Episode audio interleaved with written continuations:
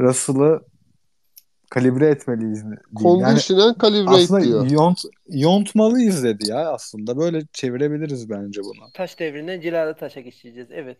Ayar çekmeliyiz. evet. Doğru. Yani ben bu konuda sözü tabii ki George Başkan'a bırakıyorum. Sana böyle bir bilgi geldi mi abi? yani e, açıklama sonuçta gerçek. F1.com'da çıktı bu haber. E, tabii ben oturdum okudum bu haberi. Adamın ne söylediğini Toto yapıyor bu açıklamayı. E, onu da okudum. Ondan sonra e, Korhan üf, Baya böyle bir şeyler yazmış filan. Ee, ben cımbızlamış bu lafları. Conditional Calibrate diye bir şey var. Başlıkta yazmışlar bunu f1.com'da. O da onu cımbızlamış. Üzerinde bayağı tepinmiş. Sonra bayağı karşı e, cevaplar filan derken konu uzamış. Bir yerden sonra koptum takip etmedim. Buradan bilmiyorum kendisi ama sevdiğim bir insan. E, üzüldüm açıkçası bu şekilde e, konuyu ele almasına. Şimdi ben okuduğum zaman o tadı almadım bu şeyden. Yani burada evet bir ayar çekmeliyiz öz Türkçesiyle diyor ama kastettiği şey e, bu adamı aldık. Bu adam bizim yeni bottasımız ya. Yeni memurumuz da işte bu filan. Bu kafayla söylenmiş bir laf değil bu. E, çok hevesli geliyor bu insan diyor. Ondan sonra ve e, karşısında da çok başarılı bir Formula 1 pilotu var diyor. Bu ya tabii ki rekabet olacak demiş.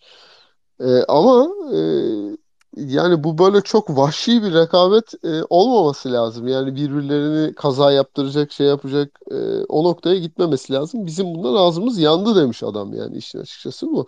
O dönemde bu nasıl yöneteceğimizi bilmiyorduk. E, artık biliyoruz ve buna göre ilerleyeceğiz diyor. Mesela orada aynı yerde şunları da söylemiş. E, Russell e, Hamilton'la aynı aracı alacak demiş. Tamamen aynı özelliklere sahip bir arabaya sahip olacak demiş e, sıralamalarda çok başarılı. E, bunu yansıtacağını bekliyorum diyor. E, ve ben Mercedes'te hiçbir zaman şeyi görmedim. Özellikle sezon başında bir, ikincisi de sıralamalarda pilotların birbirlerine engel olduklarını görmedim. E, bir pilot daha şanslıysa şampiyona konusunda genelde Hamilton oluyor veya hep Hamilton oluyor bu. O zaman diğer pilotu çekiş versin diye önünden yolluyor. Bu da gayet normal bir karar. Ama bunu sezonun ortasından sonra yapıyor. Yani e, puanlar artık anlaşıldıktan sonra e, yapmaya başlıyor. Ben önümüzdeki sene sıralamalarda tam bir rekabet göreceğimizi düşünüyorum. Ondan sonra da sıralamaya göre e, birbirleriyle yarışacaklar. Çok vahşi bir yarış olmayacak tabii ki bu ama e, yine de birbirleriyle yarışacaklar. Ondan sonra sezonun belli bir noktasından sonra da kim öndeyse arkadaki onu destekleyecek. E, ben böyle olacağını düşünüyorum en azından. Toto Wolff'un açıklamalarından da bu tadı alıyorum. E, Russell'ın çok zor bir koltuğa geçtiğini düşünüyorum. E, daha pişmesi gerek. E, adam bunları tabii anlıyor ve e, buna binaen bir takım açıklamalar yapıyor. Ya Düşüncelerim benim bu. Yüzde yüz katılıyorum. Ben de okuduğum zaman şey gibi anladım yani hani Russell hızlı F2'de şampiyonla kazanmış. Sanırım çaylak sezonda kazandı. Doğru. Yani bu da hani Leclerc'in de yaptığı bir şeydi. Yani bu genelde üstün pilotlar ilk sezonda F2 kazanıyor. Hani e, Russell'da şampiyona kazanmak ne demek bilen bir pilot açıkçası. Hani nasıl bir maraton olduğunu diyor zaten hani Wolf hani Russell'da bu şey var. Hani bir, bir sonraki şampiyon olma potansiyeli var. Ama Hamilton'da da var diyor. Yani özet geçmek gerekirse. Bence yani Williams da sonuçta bir şey için yarışmıyordu. Sadece son 5 yarıştır falan işte e, gerçekten hani bir şeyler kazandı. İşte Macaristan'da puan geldi. Yanlış hatırlamıyorsam. Ondan sonra bir seri başladı. E şimdi sürekli arkalarda yarışan bir adamı tabii ki kalibre etmek lazım. Yani hani sen üsttesin artık. Hani senin artık belirli şeyleri kaldırman lazım. Dediğin gibi en zor koltuğa geçti. Bence yani Hamilton'a araba şampiyonu da derlerken şunu unutuyorlardı. Hamilton orada şampiyon oluyor ama şampiyon olamadığı bir anda da yani çok büyük riske girecekti yani kariyeri. Adam şampiyon olabileceği için ve olduğu için oradaydı zaten. E şimdi Doğru. Russell da en kötü ikinci olması gerekiyor eğer Mercedes böyle devam ederse. Ee, ve dediğin gibi sezon başında her zaman Bottas'a şans verdiler. Her zaman Bottas 4. 5. yarıştan sonra farkı açtı. Ve hala bile yani şu an en kritik sezonlardan birinde bile Bottas'la dönüşümlü olarak sıralama turunda ön arka seçim yapıyorlar. İlk kim piste çıkacak seçim yapıyorlar. E, dolayısıyla ben Mercedes'in e, bu konuda yani ne bileyim Ferrari, e, Red Bull, Mercedes üçlüsünde en adil takım olduğunu düşünüyorum hala. Katılıyorum. Kesinlikle katılıyorum. Evet. Kesinlikle katılıyorum. Ben de ben de kesinlikle katılıyorum abi size. Ya çok adil davrandığını düşünüyorum. Açıkçası senin verdiğin örnek çok doğru. Sezon başında aslında iki sürücü eşit şartlarda e, başlatıp sıralamalara çıkartıp e, öne kim belli bir yerden sonra geçtiyse ondan sonra o pilota odaklanıyor Mercedes. Bence çok mantıklı bir e, düşünce. E, onun dışında Toto'nun da e, bence yani takım hazırlayacağız gibi verdiği demeçler çok güzel. Yani bence e, Russell için de e, büyük bir şans bence Toto ile çalışmak. E, bence yani Toto'nun ona çok büyük artısı olacaktır e, ilerisi için. E, onun dışında ben mm, Russell'ın başarılı olacağını düşünüyorum. Açıkçası yani şu anki Hamilton'a baktığımız performansına bak bakarak e, Russell'ın aslında onu yenebilecek e, kapasiteye sahip olduğunu düşünüyorum. E, bunu geçen sene kullandığı Mercedes aracıyla da gördüğümüzü düşünüyorum. Onun dışında söyleyecek başka bir şey mi yok? Kiwi sen ne düşünüyorsun bu konu hakkında? Yani ben size hepsinin sizin dediklerinize katılıyorum. Ee, hani Russell'ı harbiden yotma, yotmak mantıklı ama dedikleri gibi bu sefer Russell'ı birinci pilot yaparlar da Hamilton'ı şey yapmazlar e, sanırsam. Hani çünkü Russell'ın da e, hırs yapacağını düşünüyorum. 2008'de 2007'de Alonso e, çaylak sezonda hani Hamilton'ın Alonso'ya yaptığı gibi yaptığını düşüneceğim. Hani Russell bu sefer hani Mercedes de öyle yapacak. Ben öyle düşünüyorum. Benim de görüşlerim böyle. Naçizane. Kısa ve öz oldu ama. Peki. Teşekkürler. Teşekkürler. Ya Rosberg varken de bir birinci, ikinci pilot olayı yoktu yani. Yani hiçbir sezonda 2015'te sanırım Hamilton erken kazandığı için hani e, pek gerek olmadı ama hani 2014'te Aynen. son yarışa gitti. 2016'da son yarışta Rosberg kaldı. Hani bu sefer şu şöyle bir problem olabilir diye düşünüyorum. Şimdi e, Rosberg'le yarıştığı dönem e, arkalarında çok kuvvetli bir araç yoktu. E, bir dahaki sezon yani Red Bull belki çok kuvvetli olacak. İki sürücünün birbiriyle yarışması e, ne kadar doğru olur bilemiyorum. Öyle bir sıkıntı olabilir açıkçası 2022'de. Doğru bir ekip işi, ekip çalışması gerekecek olabilir orada. Doğru. Doğru ama yani yani, yani arkalı önlü. 2004'te de Schumacher şampiyon olurken de araç çok dominanttı diye hatırlıyorum ve yine e, şey yaptıklarını hatırlıyorum. Yani Schumacher bir numaranın da bir numarası gibi olduğunu hatırlıyorum. Yani bence bu biraz da takım kültürüyle alakalı. Yani illa başka arabalarla evet, değil de. Güzel bir yorum. Kesinlikle takım kül- kültürüyle alakası var. Yani Ferrari geleneği sanırım böyle. Ama Mercedes'te böyle bir şey görmedik şimdiye kadar. Zaten e, genelde dominant bir araçta yarışıyor 7-8 yıldır. E, arkalarında yani güçlü bir araç varken iki pilotuna nasıl davranacağını daha hiç görmedik. Yani belki ilk kez örnek olacak bize 2022. Bilmem bu sene ne düşünüyorsun? Örnek olmuyor mu bu sene? Bu sene ya bu sene şöyle örnek oluyor. Çünkü Bottas'a ya Bottas'a o kadar alışmışız ki ikinci pilot olarak. Ee, aslında öyle yorumlamadık hiç. Ee, sanırım yine sezon başında e, adil davranıp hangisi öne geçiyorsa e, ona yoğunlaşabilirler herhalde abi. Bence öyle olur herhalde. Yani bu sene de bence şey takımlar şampiyonasını bu, bu performansla giderse kazanır Mercedes. Ee, pilotları kazanamaz Bence ama. de kazanır. Bottas Bottas bence kesinlikle takım için Veli nimet gibi. çok daha iyi Aynen, şu an. aynen. Ee, evet. Hatta şeyde Faturaları da o ödüyor. faturaları da Öyle. e, memura yatırtıyorlar. Günü zamanında. Hayır yani e, sürücüler klasmanında, takımlar klasmanında ne noktadaysan ona göre bir ödül parası alıyorsun yani bu işten. Aynen aynen. Asıl parayı oradan kazanıyorlar yani. Doğru. Oradan kazandıkları parayı şampiyon olan pilota yediriyorlar biraz aslında. Ya. Yani evet. Ee, o zaman bir sonraki konuya geçelim. Genç sürücü Nedir bir sonraki konumuz? genç sürücülerin F, FP1'de birinci antrenmanda yani çıkma zorunluluğu e, gelecek sanırım. Geldi mi? Bak ondan da emin değilim. Yani bu, bu hafta çok ilginç geçti. Çünkü çok fazla şey Abi. dönüyordu. Benim takip ettiğim ve paylaştığım haberlerin yarısı yalan çıktı. Böyle o yüzden biraz da Twitter haber ortamına küstüm. Full goy goy ve akımcılığa e, bağladım. O yüzden artık her şey iddia edildi haberciliğine döndü bende. E, ama şöyle diyeyim. Ben bunu destekliyorum. Genç sürücülerin birinci antrenmanda hem alışması hem de kendilerini göstermesi iyi olacaktır. En azından bir sezon denenmeli yani böyle bir zorunluluk. Be- Evet benim benim aklım- Heh, söyle siz Ee, konuşun abi. Benim çok söyleyecek şeyim var burada. Tamam. Benim aklımdaki tek e, şu andaki soru e, diğer takımlar acaba hangi pilotları kullanacaklar falan. Mesela bizim McLaren olarak kimi kullanabileceğiz acaba? Onu çok merak ediyorum açık konuşmak gerekirse.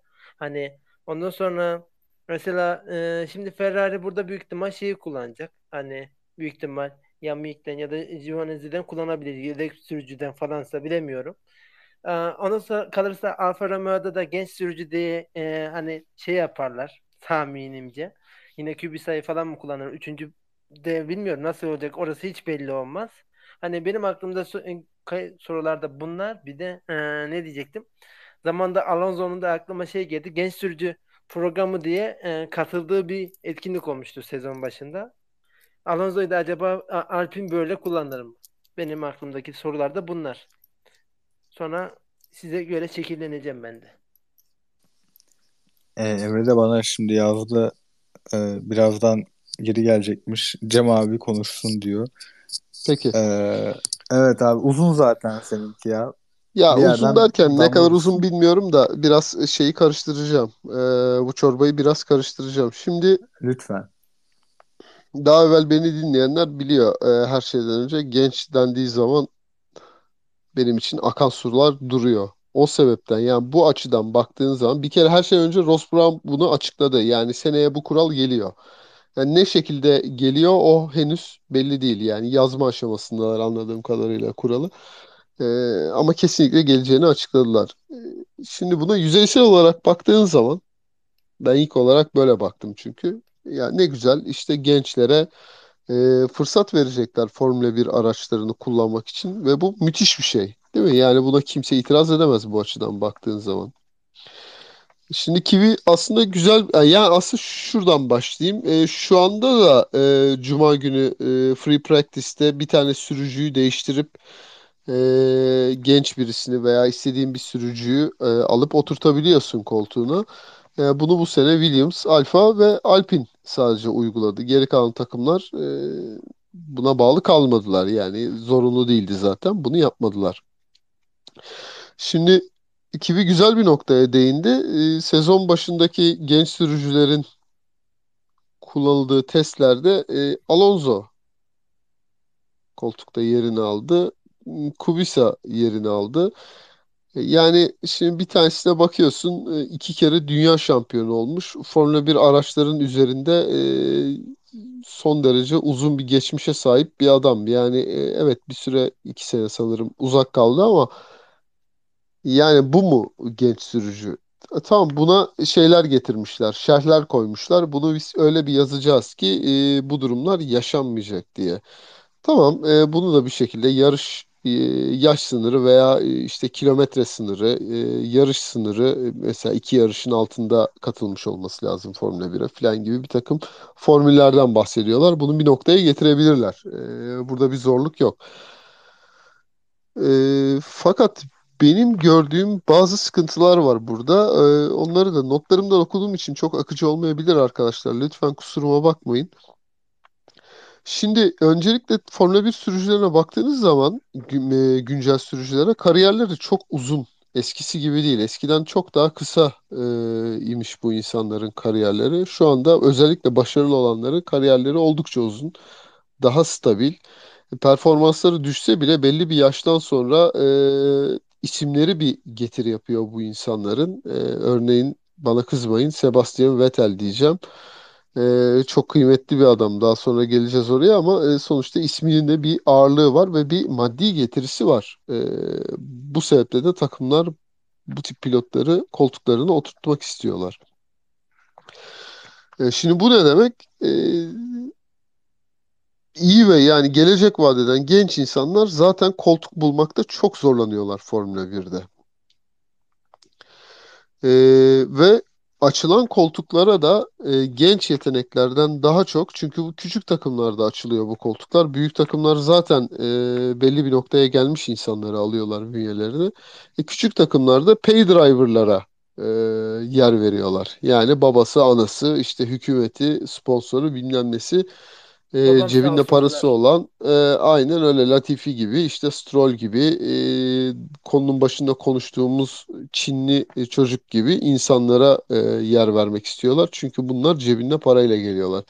E, hani iyi sürücüler, hani çok e, gelecek vadeden çok yetenekli sürücüler. E, 3-5 tane çıkıyor, e, takımlar destekliyor. İşte Russell gibi, Leclerc gibi, e, ne bileyim Verstappen gibi insanlar yer bulabiliyorlar. E, o da zarlar doğru gelirse, o koltuklar doğru zamanda açılırsa. Kimisi de yitip gidiyor bu e, çaba içerisinde. Şimdi buna bir faydası var mı diye baktığım zaman e, ben bir, bir şey göremiyorum. Yani bu açıdan baktığım zaman. E, sonrasında şeye bakıyorum. Yani bu e, antrenman seansları zaten yarışlardan önceki antrenman seanslarını kaldırdılar. Ee, yarış öncesi olan antrenman seanslarını e, bir buçuk saatten 60 dakikaya in- indirdiler. E, kırmızı bayrak çıkıyor, e, kronometre devam ediyor. O, e, günün sonunda adamlar piste çıkamadan e, otellerine geri dönüyorlar. E, ve yani takımlar veri toplayamıyorlar. Takımlar veri toplayamadıkları zaman araçlarında e, ayar yapmak biraz e, geçmiş verilerle, e, biraz da şansla e, tabii sürücülerin de ne kadar iyi olduğuyla filan e, hepsinin bir karışımı oluyor. Ya birazcık daha böyle şans faktörü e, ortaya çıkıyor. Ya burada tabii şeyi anlayamıyorum yani bu takımlar e, antrenman seanslarının birini daha kaçırsınlar. E, ondan sonra e, şans oyununa dönsün bu iş. Grid iyicene karışsın filan. Biz de böyle daha coşkulu yarışlar izleyelim. Ya bu doğru bir kafa gibi gelmiyor bana. E, bu açıdan da değerlendirdiğimde. Yani bilemiyorum. Ee, son olarak şey yazmışım yani bakıyorum buraya da e, işte Formula 2'den gelecek bu çocuklar e, büyük bir ihtimalle veya hepsi oradan gelecekler. E, tamam da takvim çok yoğun. Yani bu iki seri bazen kesişiyor, bazen kesişmiyor. Kesişmediği zaman ne olacak? E, o insan Cuma günü oraya gelecek, Cumartesi günü işte bilmem Miami'deki bilmem ne yarışına mı gidecek? Yani bunların lojistiği nasıl yönetilecek? veya kaç seansta yapılacak filan e, bayağı bana karmaşık geldi. Yani bilmiyorum böyle gençlere şans veriyormuşuz gibi olsun kafası böyle hissediyorum ben bu kararın arkasında. Umarım yanılıyorumdur da pırıl pırıl insanlar e, Formula 1'de yer bulurlar e, daha fazla.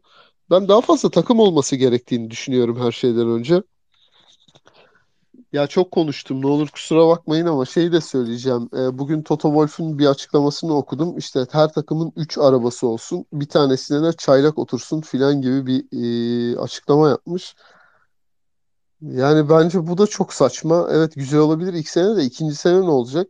O çaylağı bir sene yarıştırdın. Ondan sonra e, artık çaylak değil bu adam. Ana takıma geçiremiyorsun. Yerin yok. E sonra hadi abi sen e, git bakalım ya birazcık da Endurance serisinde filan sürt de 3 sene sonra bakarız e, işte iyiydin de ama yapacak bir şey yok. Bizde iki tane yıldız pilot var. Yani böyle mi diyeceksin bu adama yani?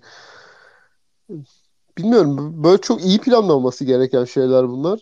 Bence alt serilerden ya alt serilerde vakit geçirmeleri daha e, iyi gibi ben hissediyorum. Yani e, çok bir fark yok çünkü aralarında. Evet, tabii ki var ama bu insanlar için yok. İyi olan iyi oluyor. Yani Verstappen çıkıyor işte bilmem e, debüt sezonunda yarış kazanıyor. Hayatına devam ediyor falan gibi. E, evet böyle benim düşüncelerim en azından bu bu aşamada. Bilmiyorum Evet. siz ne düşünüyorsunuz?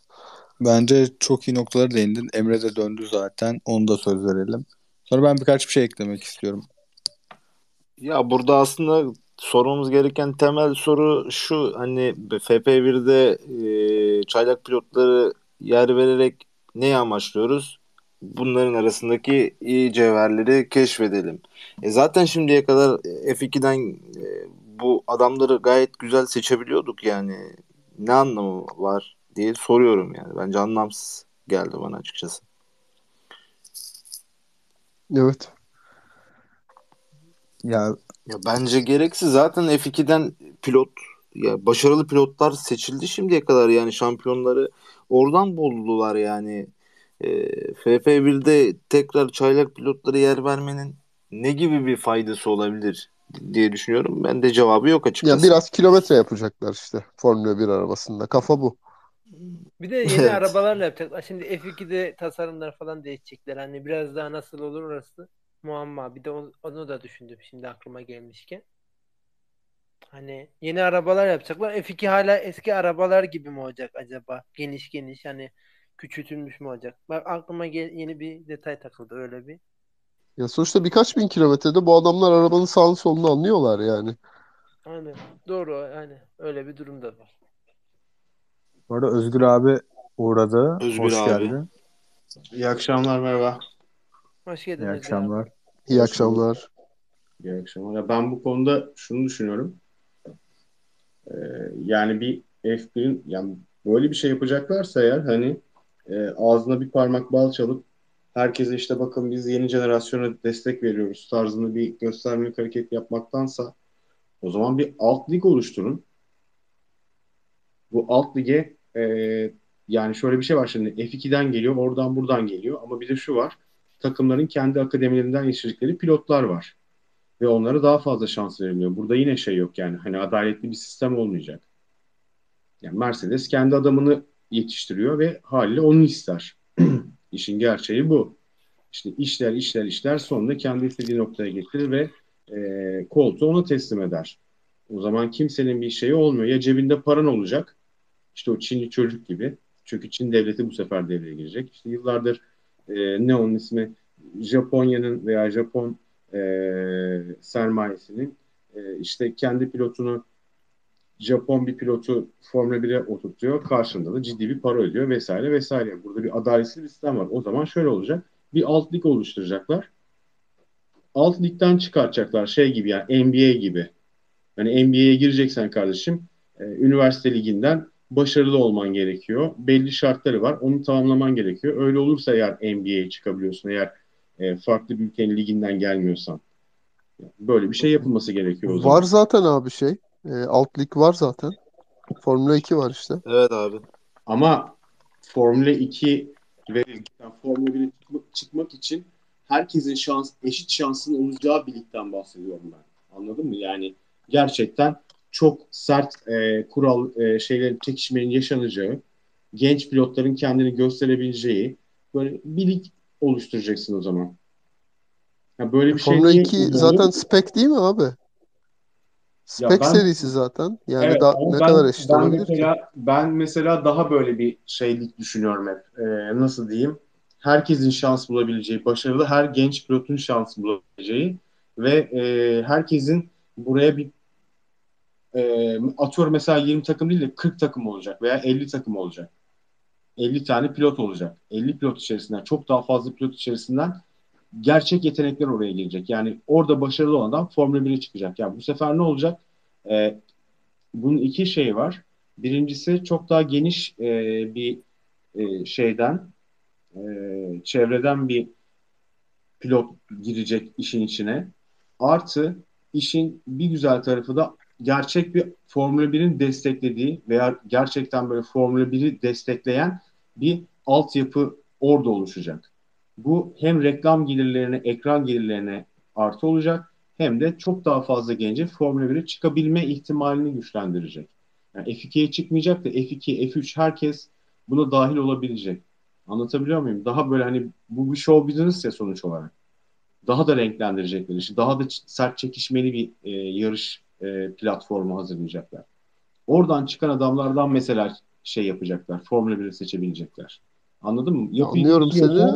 Böyle yap kardeşim o zaman. Yapıyorsan böyle yap o zaman. Madem her şey Bu şey yani. her kuralı değiştiriyorsun. O zaman böyle yap. Draft NBA'deki draft mantığı olsun o zaman mesela. Yani Tamam da Formula böyle- 2'yi tanımlıyorsun aslında. Sadece biraz daha fazla takım olan Evet, Formula biraz, 2 senin aynen aynen. şey. Biraz daha fazla e, pilotun katılabileceği, daha fazla imk- yani daha farklı pilot, daha fazla pilotun şans bulabileceği bir sistem olsun bence. Ya bir de şu var Formula 2'de. Mesela şampiyon pilot sonraki sezon yarışamıyor. Ve şampiyon pilot Formula 1'de koltuk garanti etmediyse ne yapacak yani? Endurance yapıp sonra mı gelecek işte yedek pilot olup sonra mı gelecek yoksa Formula E'ye mi gidecek? Yani o, o da ilginç bir durum. Mesela bu sene şampiyon olan pilot sanırım Oscar Piastri olacak gibi duruyor.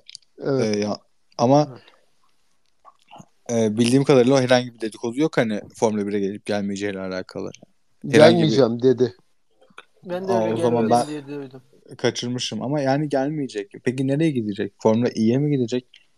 Ee, Endurance'da mı yarışacak? Hani herkesin hayali Formula 1 gibi geliyor bana biraz da ama belki kendi tercihim. Evet yani sonuçta açık tekerlek e, yarışlarından gelen insanlar oldukları için oraya gitmek istiyorlar doğal olarak. Onun arkasında kim var? Alpin mi var o çocuğun arkasında? Hı. O nereye kontrol yönlendirirse herhalde. Tam hatırlamadım. Bakayım ben notları. Evet Alpin Evet, pilotuymuş. Alpin. Aynen. Ondan sonra e, yani onlar nereyi gösterirse orada e, takılacak. Herhalde takımın rezerv sürücüsü olacak final. Ya mesela şimdi Alpine'de aynı zamanda Guan Yu Zhou da var. Zhou mu? Nasıl? Ay okuyamadım. Evet. Zhou diyelim. Evet Şimdi- evet. Şimdi Alfa Romeo konusuna dönelim yani. Zhou Alfa Romeo'ya gelse, parayı bassa, Oscar Piastri F1'e gelmese, Zhou'nun deneyimi olduğu için Oscar Piastri'den kesin olarak daha kötü demek istiyorum. Bir pilot olsa bile yani Formula 1'de Zhou'yu göreceğiz. Oscar Piastri'yi göremeyeceğiz yani. Hani bence İşte bu zaten çok temel sıkıntı bu aynen öyle. Evet problem Ya orada. bir diğer problem de bu Toto Wolff'ün 3 araba yapalım işte 1950'lerde yar- gibi yarışalım mantığındaki en büyük problem de şu an Formula 1'de pistlerin aslında hani genişlik ve uzunluk ölçülerine göre e, maksimum yarışabilecek araba sınırlaması var. Yani siz Grade 1 pist olduğunuz zaman e, Formula 1 şunu diyor aslında. İşte burada 24 araba yarışabilir. İşte burada ne bileyim 18 araba yarışabilir gibi bir kuralı var aslında bunun. Hatta bildiğim kadarıyla Monaco mesela sanırım 20'yi tutturamıyor ama yine de yarışılıyor. İşte tam bilmiyorum hani sayıları nasıl ama bu kural hani böyle biraz esneyebiliyor. Ama şimdi 30 araba olsa çok fazla pistte problem yaşanacak. Ve çok fazla pist istisna olamayacağına göre e, mesela şimdi Macaristan'da ben 3 tane araba görmek istemem yani. E, sprint yarışı gibi bir hafta olacak bir hafta olmayacak bir şey de değil bence bu. Ya o zaman mantıksız yani. Hani şampiyon olması. Bence Toto Wolff biraz fevri davranmış bu konuda öyle söyleyeyim. Ee, bu FP1 kararı için de şöyle e, bir değişiklik olabilir. Çaylak sezon, çaylak 10 tane pilot işte neyse belirlenip hani rotasyonlu olarak belki arabadan arabaya gidebilir. Ve böylece draft mantığı da olabilir. Mesela atıyorum Alpine sürücüsü işte Oscar Piastri ele alalım. Atıyorum ilk iki yarışta e, ilk iki hafta sonunda yani Mercedes'te olsun, öbür ikisinde Red Bull'da olsun, öbür ikisinde Ferrari'de olsun. Böyle böyle dönse mesela aslında pilotları da tekrar karşılaştırma imkanımız olur. Hem Formula 1 ortamında hem de birbirlerine karşı. E, çünkü hem aynı arabaya sahip olacaklar. Yani bir noktada.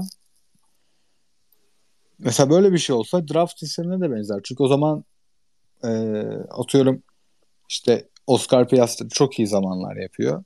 E belki Mercedes diyecek ki bu çocuk F2'de zaten iyiydi. F1'de de başarılı olacağını düşünüyorum.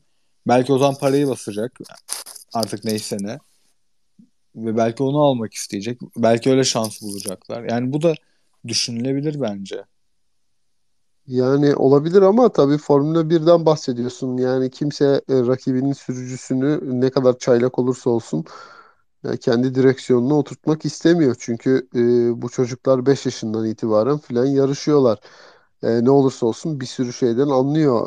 E, direksiyonun tutuşundan, üzerindeki düğmelerin ayarından, menüsünden, e, kıçının altında hissettiği, kendi aldığı hislere kadar. E, bunları da kimse paylaşmak istemiyor yani. Yani doğru ama bugün Alpine'in Zols'u gerçi şimdi o da biraz ilginç bir hikaye. Çünkü parası olmasa muhtemelen F1 göremeyecek bir pilot. Yani 20 milyon sterlin konuşulmazsa belki adı Formula 1 alınmayacak bir pilot. Doğru. Bu da tabii belki şu an benim bu olayın gazıyla söylediğim bir olay oldu yani. Evet. Evet. Yani enteresan. Bir konu bakalım deneyip göreceğiz ama. göreceğiz. Ha, Ben de aynı düşünüyorum. Göreceğiz. Ee, Bir sonraki zaman konuya geçecekseniz Aston Martin'e geçelim mi bundan sonra? Çünkü ya ben takvimde tek bir şey düşünüyorum. Hemen onu söyleyeceğim. Ee, hem Bahreyn'de hem Barcelona'da iki tane test olacak e, bu sene. Bu iyi bir şey mi kötü bir şey mi emin değilim. Lojistik karmaşa ben başka bir şey demiyorum. Benim yorumum bu. Yani loj- Kesinlikle katılıyorum. lojistik olarak da değil sadece. Çünkü çok fazla veri topluyorlar. Zaten İspanya'da çok fazla veri topluyorlardı. Ve yine ne bileyim İspanya'da sıkıcı geçiyordu zaten. Pistte de alakalı olabilir. Ama veri toplamayla da alakalı olduğunu düşünüyorum. Şimdi Bahreyn'de de çok fazla veri toplamış olacaklar. Yani anlamadığım bir şey. Neden iki farklı lokasyonda test yapmak istiyorlar? Onun yerine sezon ortası testini geri getirsinler. e, abi bambaşka arabalarla e, yarışlara başlayacaklar ve hiç veri yok ellerinde. Çünkü rüzgar tünelinde bile arabanın kendisini kullanamıyorlar bu adamlar. %60 ölçülerinde bir e, mock-up kullanıyorlar. Yani çok daha fazla kere test yapabilseler keşke ideale yaklaşmak için. Yani evet ama biz az önce F1'in zar atma politikasından bahsediyorduk. Yani Burada da zar atıyor. Yani onu 2002-2022 kurallarında evet konuşacağız ama evet. O zaman bence Aston Martin'e geçelim. Ee, takvimde zaten Türkiye yok. Ben protesto ediyorum. Hayır. O bu hala belirsiz bir konu. Geç, geri dönelim ona lütfen. Vaktimiz kalırsa. Tamam, tamam. Aston Martin'e geçelim. Ondan sonra Sochi'yi konuşacağız. Yaklaşık yarım saat sonra darbe yaşanmasını öngörüyoruz. Dolayısıyla Evet. vaktimiz azaldı. Darbe Evet. yaşanmazsa daha da çok konuşuruz bence.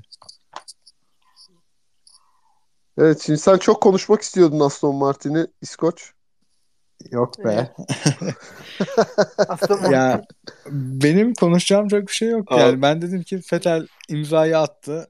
Bence bu konuyu konuşmasak da olur dedim. Yani o, o kadar konudan habersizim.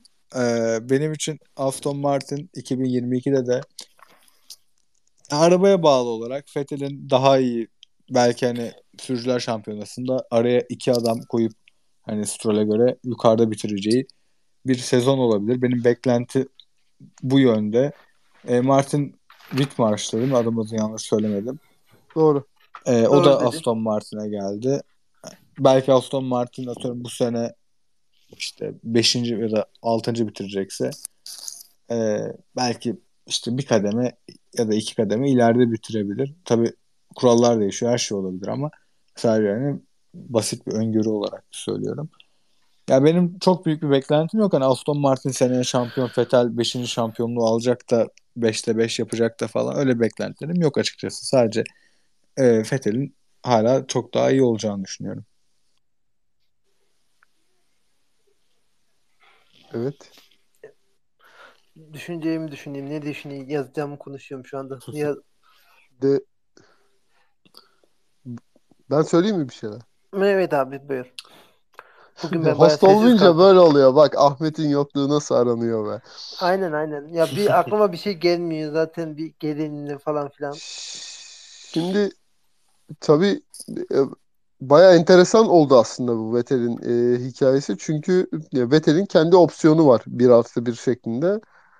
Bunu kullanacak mı, kullanmayacak mı? E, bayağı bu konu havada kaldı. En sonunda da açıklamayı yaptılar işte Vettel e, Stroll'ün yanında 2022'de yer alacak diye. Şimdi Aston Martin'i biraz ben anlatmak istiyorum, üzerinde konuşmak istiyorum. Çünkü e, baba Stroll'ün bayağı enteresan demeçleri, kararları ve yaklaşımları var. Benim çok dikkatimi çekiyor. E, yakın zaman evvel şeyi açıkladılar. E, Silverstone yakınında yani sanırım yan yana gibi Silverstone pistiyle e, yeni bir e, kampüs, fabrika e, neyse bunun ismi bir üs e, yapacağını açıkladı e, Baba Stroll. Ve bu işe 200 milyon pound e, ayırmış. E, bu benim gördüğüm kadarıyla bu 2004 yılında McLaren'ın e, yaptığı yatırımdan sonra Formula 1'e yapılan e, ikinci yatırım e, bu şekilde. O yüzden de çok büyük bir kıymeti var. E, birileri hala inanıyor bu işlere. E, onu gösteriyor her şeyden önce. Ve çok önemli bir yatırım, çok büyük bir yatırım. E, işte yeni ofis binası, dizayn binası vesaire filan ve ondan sonra da yepyeni bir rüzgar tüneline e, yatırım yapma kararı almışlar. Çok yüksek profilli personel transferleri yapıyorlar. E, keza bugün işte İskoç'un da bahsettiği gibi e, gördük Martin Whitmarsh'ın e, transferini. Çok önemli, çok yerinde bir transfer bana göre. E, McLaren'da da çok önemli bir adamdı. E, Aston Martin'de de olağanca ağırlığı olacak bir insan. Şimdi bu yapacakları üsse yol araçlarını da taşımayacaklar. Yani sadece Formula 1 e, kısmını taşımak istiyor Aston Martin. Ve Baba Stroll sürekli şey açıklaması yapıyor. E, ben bu takımda e, şampiyonluk göreceğim. Bu takımı şampiyonluk yaşayan bir takım haline getireceğim falan gibi. Ve bu yolda çok ciddi somut adımlar attığını e, görüyoruz.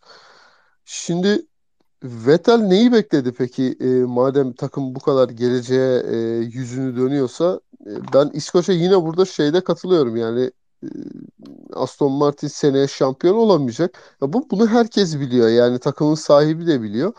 Bu uzun bir maraton e, sprint yarışı değil. Yatırım yapıyorsun ve zaman içinde sana geri dönüyor. Doğru adamlarla, e, nitelikli insanlarla ve e, kaynakla, maddi kaynakla birleştiği zaman e, bir noktaya getiriyorsun sen takımı. E, adam da böyle bakıyor işe. E, Vettel tabii e, artık kariyerinin sonuna doğru e, yelken açmış bir pilot. Yani bir yerde anlıyor artık e, bir daha şampiyon olamayacağını e, ama gidecek başka bir yeri de yok gibi gözüküyor. En azından ben öyle düşünüyorum. Orta vadede e, taşıyacak mı taşımayacak mı? Yani Baba Stroll bu adama da güveniyor. Ee, bu adam taşır bizi e, kafasıyla yaklaşıyor işe. En sonunda Vettel de bu işe ikna oldu gibi. E, yani Stroll'ün vizyonuna. Tabii seneye ne olur onu bilmiyorum.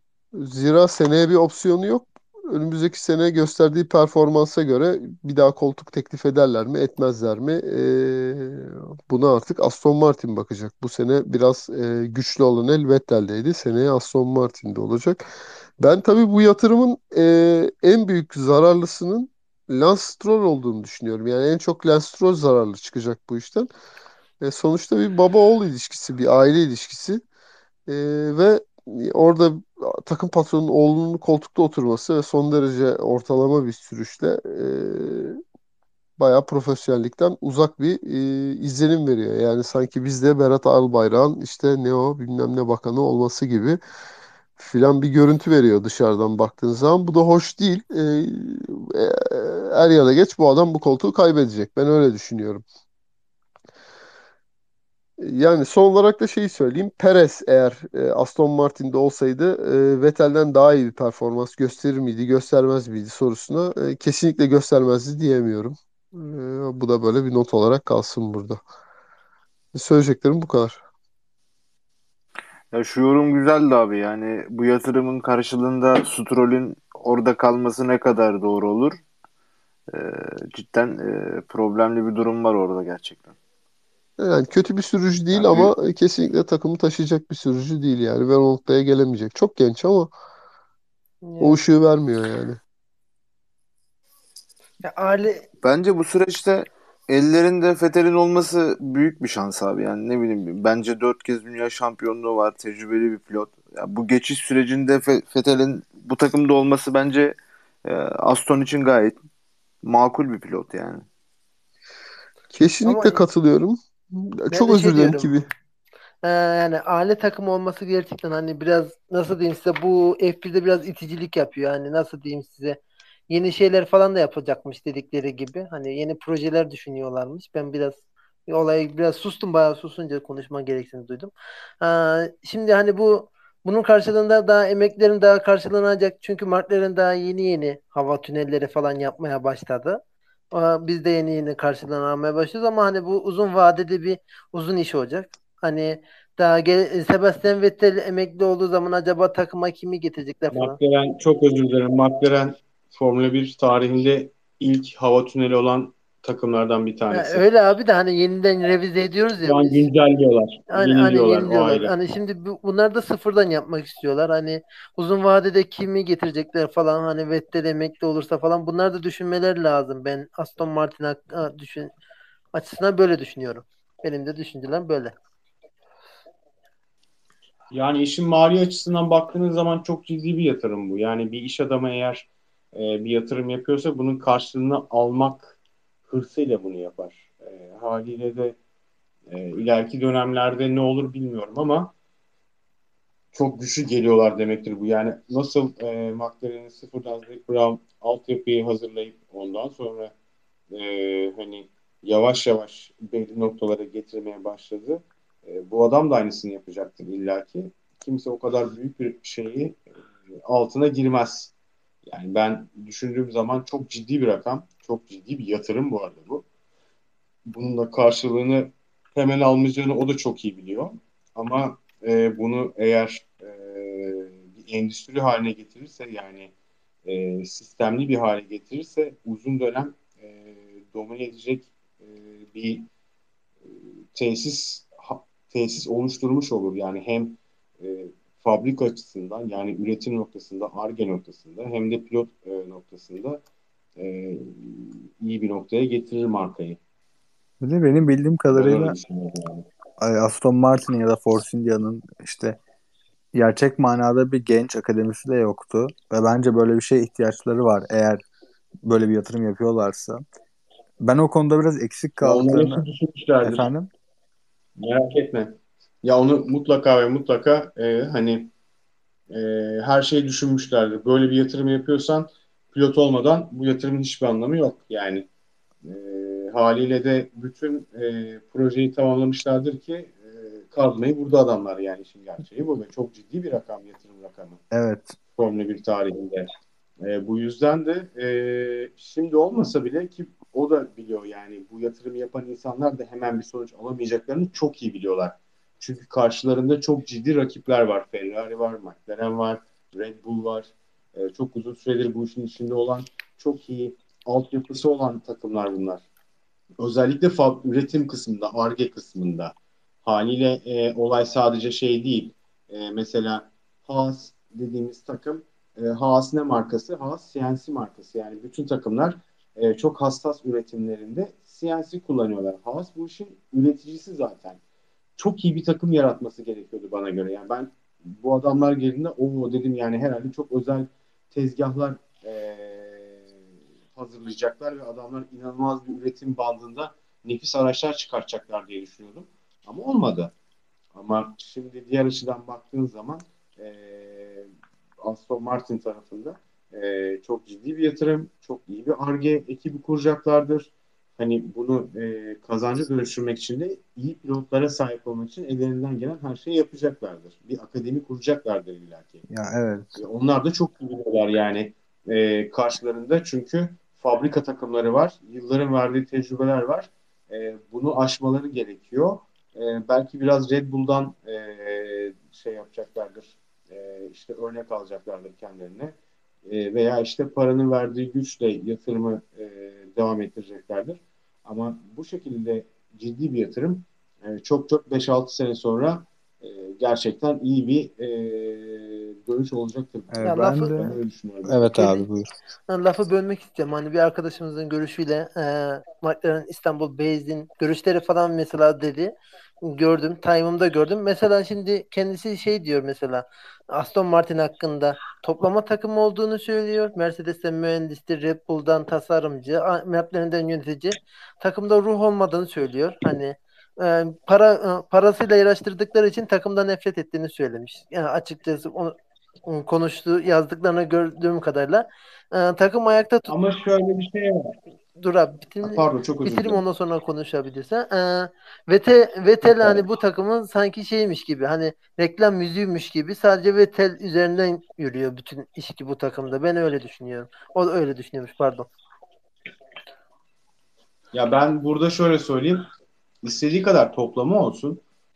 Her şeyden önce e, biz değerlendirirken bazı şeyleri sporla ilgili kendi bakış açımızdan bakıyoruz. Yani o da nedir? Futbol. İşte Galatasaray gibi, Fenerbahçe, Beşiktaş, Barcelona, Real Madrid yani yüzyıllık kulüpler gibi bir ruh, bir işte e, kültür, bir tribün kültürü vesaire bunları bu şekilde düşünüyoruz. Hayır değil, bu bir show business.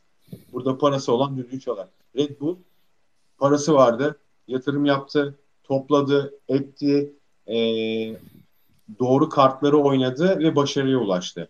Bu adamlarda da aynı şey var. Yani Fetel tamam efsane olabilir okey ama bu adamlar için tek bir gerçek var. Fetel sen bizim memnunsun kardeşim. Parayı veririz seni yarıştırırız. Sen iyi değilsen yerine başkasını alırız. Çünkü biz e, bu işten para kazanacağız. Biz başarı istiyoruz. Sen başarılı olduğun sürece varsın bu işte der ve olayı bitirir. Çünkü adam enayi değil yani o parayı boşuna gömmüyor oraya. Bir araziye kocaman bir tesisi boşu boşuna yapmıyor. Yani bu işlerde Ee, duygusallık yok yani. 5-6 yıl dediğin şeye dönmek istiyorum bu arada abi. Ben 2024 ve sonrasında belki Aston Martin'in daha ciddi bir noktada olacağına inanıyorum.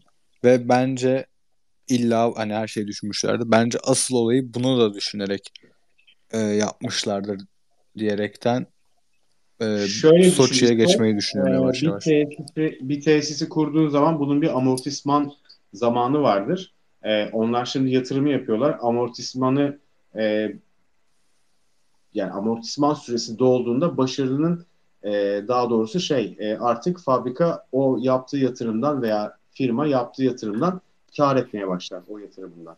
Şimdi onlar da bunu hesap ederek hareket etmişlerdir. Hiç merak etmeyin yani. Ee, bunu çok iyi planlayıp iyi bir stratejiyle hareket edeceklerdir. Biz niye merak Yani edelim abi? Para bizim e, paramız mı ya? Çenemizi yoruyor sadece başka bir şey yok. Ya bırak o zaman neyi konuşuyoruz birader? Para bizim değil, takımlar bizim değil. Neyi konuşuyoruz yani o zaman? E, o zaman Ama o zaman yeni bir ama yeni bir Red Bull geliyor yani. Öyle düşünün bu işte. Bu kadar parayı Ee, basıyorlarsa yeni bir Red Bull geliyor. O zaman Ee, Soçi'ye geçelim. Buyurun. Şimdi Red Bull Red Bull'da etkin oyunculardan biri David Coulthard'tı. Bunu anmadan geçemiyorum. Kusura bakmayın. Yani geçsen şaşardım Ee, zaten. Soçi Soçi'ye geçelim mi? Soçi'ye geçelim mi? Soçi'de Soçi'de hava durumu yağmurlu arkadaşlar görmüşsünüzdür. Berbat. Eğer yeah. yağmurlu bir yarış olursa e, ben açıkçası çok büyük beklentilere girmiyorum. Yarış görmeyebiliriz.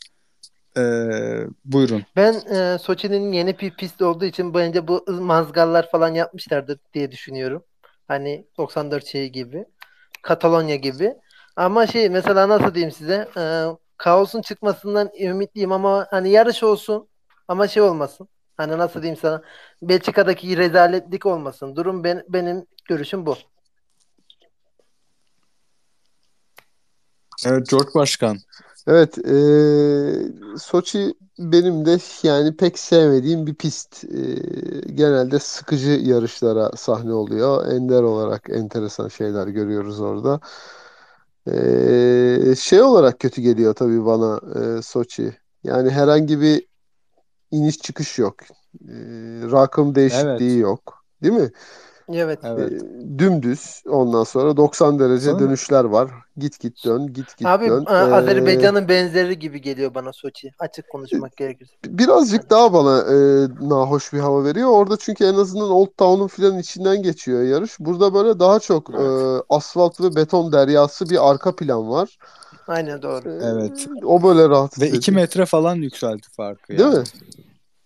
Evet evet. DRS etkisi de düşük olan bir pist. E, işte yağmur olursa bir ihtimal güzel bir yarış görürüz. Ama yani gördüğüm yağmur görüntüleri de korkunç tabii ki Twitter'da paylaşmışlar. Ee, bu konuşmanın hemen evvel gördüm. Acayip bir yağmur var. Umarım Belçika gibi olmaz bence de. Kaotik olsun da fazla yağmur olmasın. Aynen. Dediğimiz gibi. Abi Evet. burada yine favori Red Bull gözüküyor öyle söyleniyor. Birkaç haber okudum ben de yabancı kaynak. Yine Red Bull favori olduğunu söylüyorlar. Hatta bundan sonraki 6 yarışta da e, Turkish GP dahil Red Bull'un favori olduğunu söylüyorlar. Bir de Mercedes'in bu yarışta motoru açacak falan diyorlar. Öyle birkaç tane kaynaktan haber gördüm. Ne kadar doğru bilmiyorum. E, bir de motor değiş, güç ünitesini değiştirme olayı var. Onu da yağmur yağarsa değiştirebiliriz dedi Red Bull. Daha karar vermedik Mercedes dediler. mi? Red Bull değil. Hayır. Red Bull. Red Bull. Red Bull Red Bull e, yeni değiştirdi abi. Hayır abi Mercedes abi. değiştirdi? abi. Bottas Doğru doğru tamam Verstappen değiştirmedi. Doğru söylüyorsun. abi kalbime inecekti abi. Doğru diyorsun. Verstappen'inkini değiştirmeyi düşünüyorlar ama yağmurun durumuna göre karar vereceğiz dediler. E, İşte sürpriz olarak Soçi'de göreceğimiz şeyler bunlar açıkçası. Ben başka bir şey olacağını düşünmüyorum açıkçası. Evet. Evet Özgür abi. Soçi. Ya Ben Soçi ile ilgili çok bir şey söylemeyeceğim. Hayırlısı olsun diyeceğim her hafta söylediğim gibi. Abi ağzın bal damlasın da başka bir şey istemiyorum. Çünkü şu yani ben artık şeyimi öğrendim. Hani dersimi aldım bu konularda. Ee, ne olacağı belli olmuyor. İşte çok sakin, sıkıcı bir yarış dedikleri yarışta böyle herkes takla atıyor, ters köşe oluyor. Ulan ne yarıştı be diye konuşuluyor. Güzel bir yarış olacağını düşünüyorum ben. Her zamanki yorumu yapıyorum pozitif. Keyifli olacak, güzel olacak, Formula 1 dolu olacak. Ee, bilmiyorum yani çok büyük konuşmak istemiyorum bu konuda. Ben keyfine varacağım işin. Red Bull'da bence buradan güzel bir puanla ayrılacak. Ya, en son Macaristan için sıkıcı falan filan diyordun. Çok güzel Hayır, bir izledik. için tam tersine. Ben dedim sıkıcı. Ben Evet. hiçbir zaman Sen Ben mi de dedin? sınav Ben haftasına de- denk Ben- geldi ben diye Macaristan için ben de sıkıcı şunu söyledim. Macaristan sıkıcı de, sıkıcı diyorsunuz ama çok ciddi bir çekişme var. O yüzden bence sürprizler açık olacak ve çok keyifli bir yarış olacak diye dedim. Ondan sonra bir sonraki hafta herkes bu dedim evet abi sen öyle demişsin doğru demişsin gibi yorumlar yapılmıştır rica ederim. Bak Ee, doğru ben karıştırmışım. Özür dilerim. Özür dilerim. Çok Ya bir kere şunu, şunu e, bence bu sezona şöyle bakmamız gerekiyor. Yani evet araçlar büyük pistler bu büyük araçlara uygun değil falan diyoruz ama yani güzel oluyor bence. Yani her yarışta bir sürpriz oluyor. Spa'da bile çok eğlendim ben yani evde. Sıkılmadım yani izlerken. Sosyal medyada bile çok eğlendim yani. Bu sezonun bence diğer sezonlardan farklı kılan olay e, her takım iddialı. E, domine eden bir takım yok. Sürprizleri açık. İşte geçen hafta yaşadık. 9 sene sonra McLaren bir anda farklı bir e, olaydan dolayı e, duble yaptı. E demek ki güzel yani bu. E, keyfine varalım. Bence güzel bir yarış olacak diye düşünüyorum. Ya benim için sıkıcı değil artık hiçbir yarış. Öyle söyleyeyim size. Yani e, oturuyorsun arabalar böyle devamlı dönüyor falan diye bakmıyorum ben bu sezon. Onun keyfini yaşıyorum yani. Bence siz de öyle bakarsanız daha çok keyif alacaksınız diye düşünüyorum. Bu kayalık yapmayayım ama ya bence güzel bir hafta sonu olacak bizim için. Umarım abi inşallah olur. hayırlısı. temennilerinin çok içten olduğunu biliyorum abi. Umarım herkes için keyifli böyle iyi ki izlemişim Rusya'yı diye kapatmamışım denilen bir hafta olur. Ee, bize ayrılan sürenin sonlarına doğru yaklaştık. Ee, normalde 2 saatte darbe yiyoruz. Şu an böyle 7-8 dakikamız var. Ee, geldiğiniz için çok teşekkür ederiz. Ee, dinlediğiniz için, kaldığınız için şu noktaya kadar. Ee, umarım memnun kalmışsınızdır. Umarım konuştuğumuz konular ilginizi çekmiştir ve yeni bakış açıları e, sağlamıştır. E, Beyaz F1 aksi iddia edilmedikçe her salı sizlerle. Ee, ekleme yapacağım. O değil de bir tane konu vardı. Bu arada ekleme yapmak bir tane istedim. Ee, konuşulması gereken bir konu vardı. Bonus bir konumuz vardı aynen sanki. aynen. Bu, Nedir Aynen, abi? aynen. kapanışı yaptık, kapanışı yaptık. Yani bundan sonrası Yok bonus. yok biz, biz- sen yapabilirsin de biz daha yapmadık. Dur bakalım. Aynen. Buyur, buyur gelsin. evet İskoç. Evet, evet. Kısa saç me- mevzusu. Konu nedir? İskoç'un kısa saçları ve Ya- erkeği kısa saç yakışması.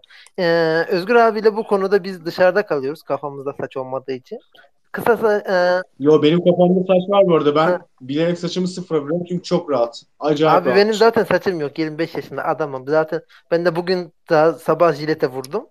Hani kafam çok rahat bildiğiniz. Ee, ama esmerleşmiş kafam. Bunu öyle gördüm akşam eve gelince. Ya şimdi Ya- erkekte efendim buyur abi.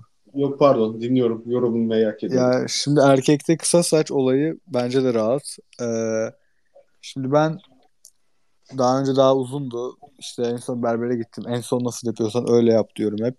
Ama o da unutmuş sanırım. Bayağı kısa kesti. George Başkan'ın saçına benzedi. Bilmeyenler için George Başkan'ın saçı da bunun biraz daha kısası. Ama son dönemde Emre abinin de saçı biraz kısa Delikanlı diye, saçı. e, fark ettim. Onunki çok uzundu Aynen böyle. ya bu Evet, saç ya bu saç üzmez yani. Kökü zaten sende saçıdır yani. Ben memnunum açıkçası yani. Bence zaten erkek dediğin kısa saçlı olur arkadaşlar yani. Bu arada e. Giovanni bana yazmış. en güzel tarafı şu. Evet, buyur abi sen söyle Giovanni'nin sözünü söyleyeceğim sonra. Sıfır saçın en güzel tarafı şu arkadaşlar. E, duştan çıktıktan sonra sadece böyle kolumla böyle işte bornozda böyle kolumla böyle bir sıyırıyorum kafamı böyle kupkuru olarak Aynen, çıkıyorum. Le, aynen le, le, öyle. le diye. Şampuan derdin de yok. Şampuan şey. kayıp gidiyor zaten. Bir azıcık sür. Yok ben şampuan kullanıyorum ama yani çok rahat bir Ya şey abi yani. ben de Hatta az kullanıyorum. Niye bilmiyorum. Saçlarımı sıfıra vurduktan sonra böyle şampuan konusunda daha hassasım yani. Hı. İşte ozonlu falan böyle şampuanlar kullanıyorum kendime. Böyle seviyorum yani böyle masaj yapıyorum. Aynen aynen böyle Masaj okşamak hani berber böyle bir hoşuna gider ya berberlerin de hoşuna gidiyor o yüzden. Hani o yüzden ayrı bir tuhaf oluyor. Şey demiş Giovanni'nin e, sözünü söyleyeyim. Kellik evli erkekler için nimettir diyor. Yoksa e, kısa saç çok rahat diyor. Hani Giovanni'nin de yorumunu yapayım söz istemediyse eğer. Bilginiz Evlenmiş olsun. boşanmış mı ya Giovanni? Nereden biliyormuş? o, söz versek aslında konuşsun. Evet. Bilemiyorum. Ee, İskoç'un saçını ben beğendim. Benden özendiğini Abi çünkü senin biliyorum. saçına benziyor. Ben de özendiğini biliyorum zaten. Yani onu açıkça söyleyebilirsin. Ya senle olan fotoğrafımızı gösterdim. Aynı bunun gibi yap dedim. Seni seçmiş. Seni Tabii seçmiş. Pikachu. Ee, evet konu çok dağılıyor tabii ki. Biz biraz kendi aramızda konuşmaya döndük. Bir sürü de insan dinliyor. Ee, her şeyden önce burada olduğunuz, zamanınızı ayırıp bizi dinlediğiniz için ben çok teşekkür ederim. Ee, Ahmet'in yokluğunda biraz aksadık Ben ama daha çok eğlendim ya. hayır daha öyle deme gelmesin. öyle deme canım olur mu öyle şey? Ee, yarışsız Yok. haftada gündemimiz gene doluydu. Güzel bir sohbet olduğunu ben düşünüyorum. Ee, umarım dinleyen kişiler de mutlu olmuşlardır. Zamanlarını güzel şekilde değerlendirdiklerini düşünüyorlardır. Bu arada ekleme yapalım. Yani, Ee, evet. Podcast olarak yayınlamayı düşüneceğiz artık. Hani eski bölümlerimizden Spotify'da falan eğer dinlemek isteyen kaçıranları yani özel. Düşü, bunu da söyleyelim bu arada aklımızda bulunmuşken. Her hafta böyle kayıtları Evet, bayağı- e, alıyoruz. Hani Twitter'dan datamızı istiyoruz. Kayıtlarımızı MP4'e çevirip yükleyeceğiz. İşte birkaç tane işlerimiz bayağı uzadı orada. Onları yapmayı düşünüyoruz. Bir tane de logo falan düşünelim. Aklımızda bulunmuşken bu arada kendi aramızda ki muhabbeti Ee, bu arada dinleyen arkadaşlardan sorularınız varsa eğer hani teknik olarak bunları bize iletirseniz e, biz bir program yapmayı planlıyoruz. Yani e, çok iyi float yazan, teknik bilgisi çok olan arkadaşları veya hesapları e, bir programda e, veya birkaç programda e, bir araya getirip e, çok keyifli, gerçekten öğretici, bilgisel olan böyle bir program yapmayı planlıyoruz. Hatta bu hafta olacaktı ama e, başaramadık maalesef. Hem benim hem de katılımcı arkadaşların yoğun olmasından dolayı e, böyle bir, araya gelemedik. Böyle bir planımız var. E, varsa eğer teknik sorularınız lütfen bize yazın. E, bizi yönlendirirseniz eğer e, daha verimli olacağını inanıyorum. İki saatin daha güzel kullanılabileceğini düşünüyorum. Olay sadece çünkü e, pilotları veya takımları veya yarışları, pistleri konuşmak değil. E, burada hem bilgi sahibi olabileceğimiz, hepimizin e, keyifli vakit geçirebileceği, öğrenebileceği, soru sorabileceği bir program olsun istiyoruz. O yüzden bizi yönlendirmeniz çok değerli bizim için arkadaşlar. Çünkü biz de sonuç olarak bunu amatör olarak yapıyoruz. İşin gerçeği bu yani. Keyif için yapıyoruz. Yani bunu Aynen. Hem keyif için yapıyoruz hem hep beraber olduğumuz için yapıyoruz. Çünkü Beyaz F1 sizler için sizlerle. Ya bir de şöyle güzel bir şey var. Demin demin böyle şeyi bir açtım. Beyaz F1'i bir açtım böyle. Bütün e, yani genelde yazı yazıştığım yüzde 90 böyle şeydeydi. Hani işte katılımcılar listesinde Aa, herkes buradaymış. Tamam bizim ekip buradaymış diye girdim direkt yani olaya. O güzel bir şey oldu. Böyle herkesin geliyor olması çok keyifli bir şey. Aynen öyle. Aynen öyle. İyi o zaman Twitter darbe yapmadan önce hepinize iyi akşamlar. Haftaya görüşmek üzere diyorum ben. Yarış, yarışınız iyi geçsin. Keyif dolu. Evet keyifli yarışlar diliyorum herkese iyi hafta sonları. Ee, Pazar günü benim kuzenimin düğünü var. Ben böyle ara ara göz atacağım. Böyle bakacağım böyle bu göz ucuyla ne oluyor ne bitiyor. Ama ben böyle yarım yamalak izleyeceğim için bence keyifli yarış olması daha olası. Çünkü Murphy biliyorsunuz arkadaşlar hep böyle olur. O yüzden size herkese iyi seyirler diliyorum. Ben Ya, de Aynı durum şey için geçerli mesela benim de e, KPSS'ye geldi 1 Ağustos. Hungaroring güzel geçti. Murphy. evet. Abi Murphy. Cem yani- abi yoldaydı o günde Evet. mesela. Evet. Yani. Maalesef. Aynen. Bir sürü Antalya'ya olay da geldi. oldu. Yani mesela yani böyle düşünmek lazım. O yüzden kendinize iyi bakın. Beyaz F1 ile kalın. Ee, Beyaz F1 sa- salı günleri aksi belirtilmedikçe sizler için sizlerle. Görüşmek üzere. Görüşmek üzere. Selamlar Haydi iyi akşamlar. İyi akşamlar.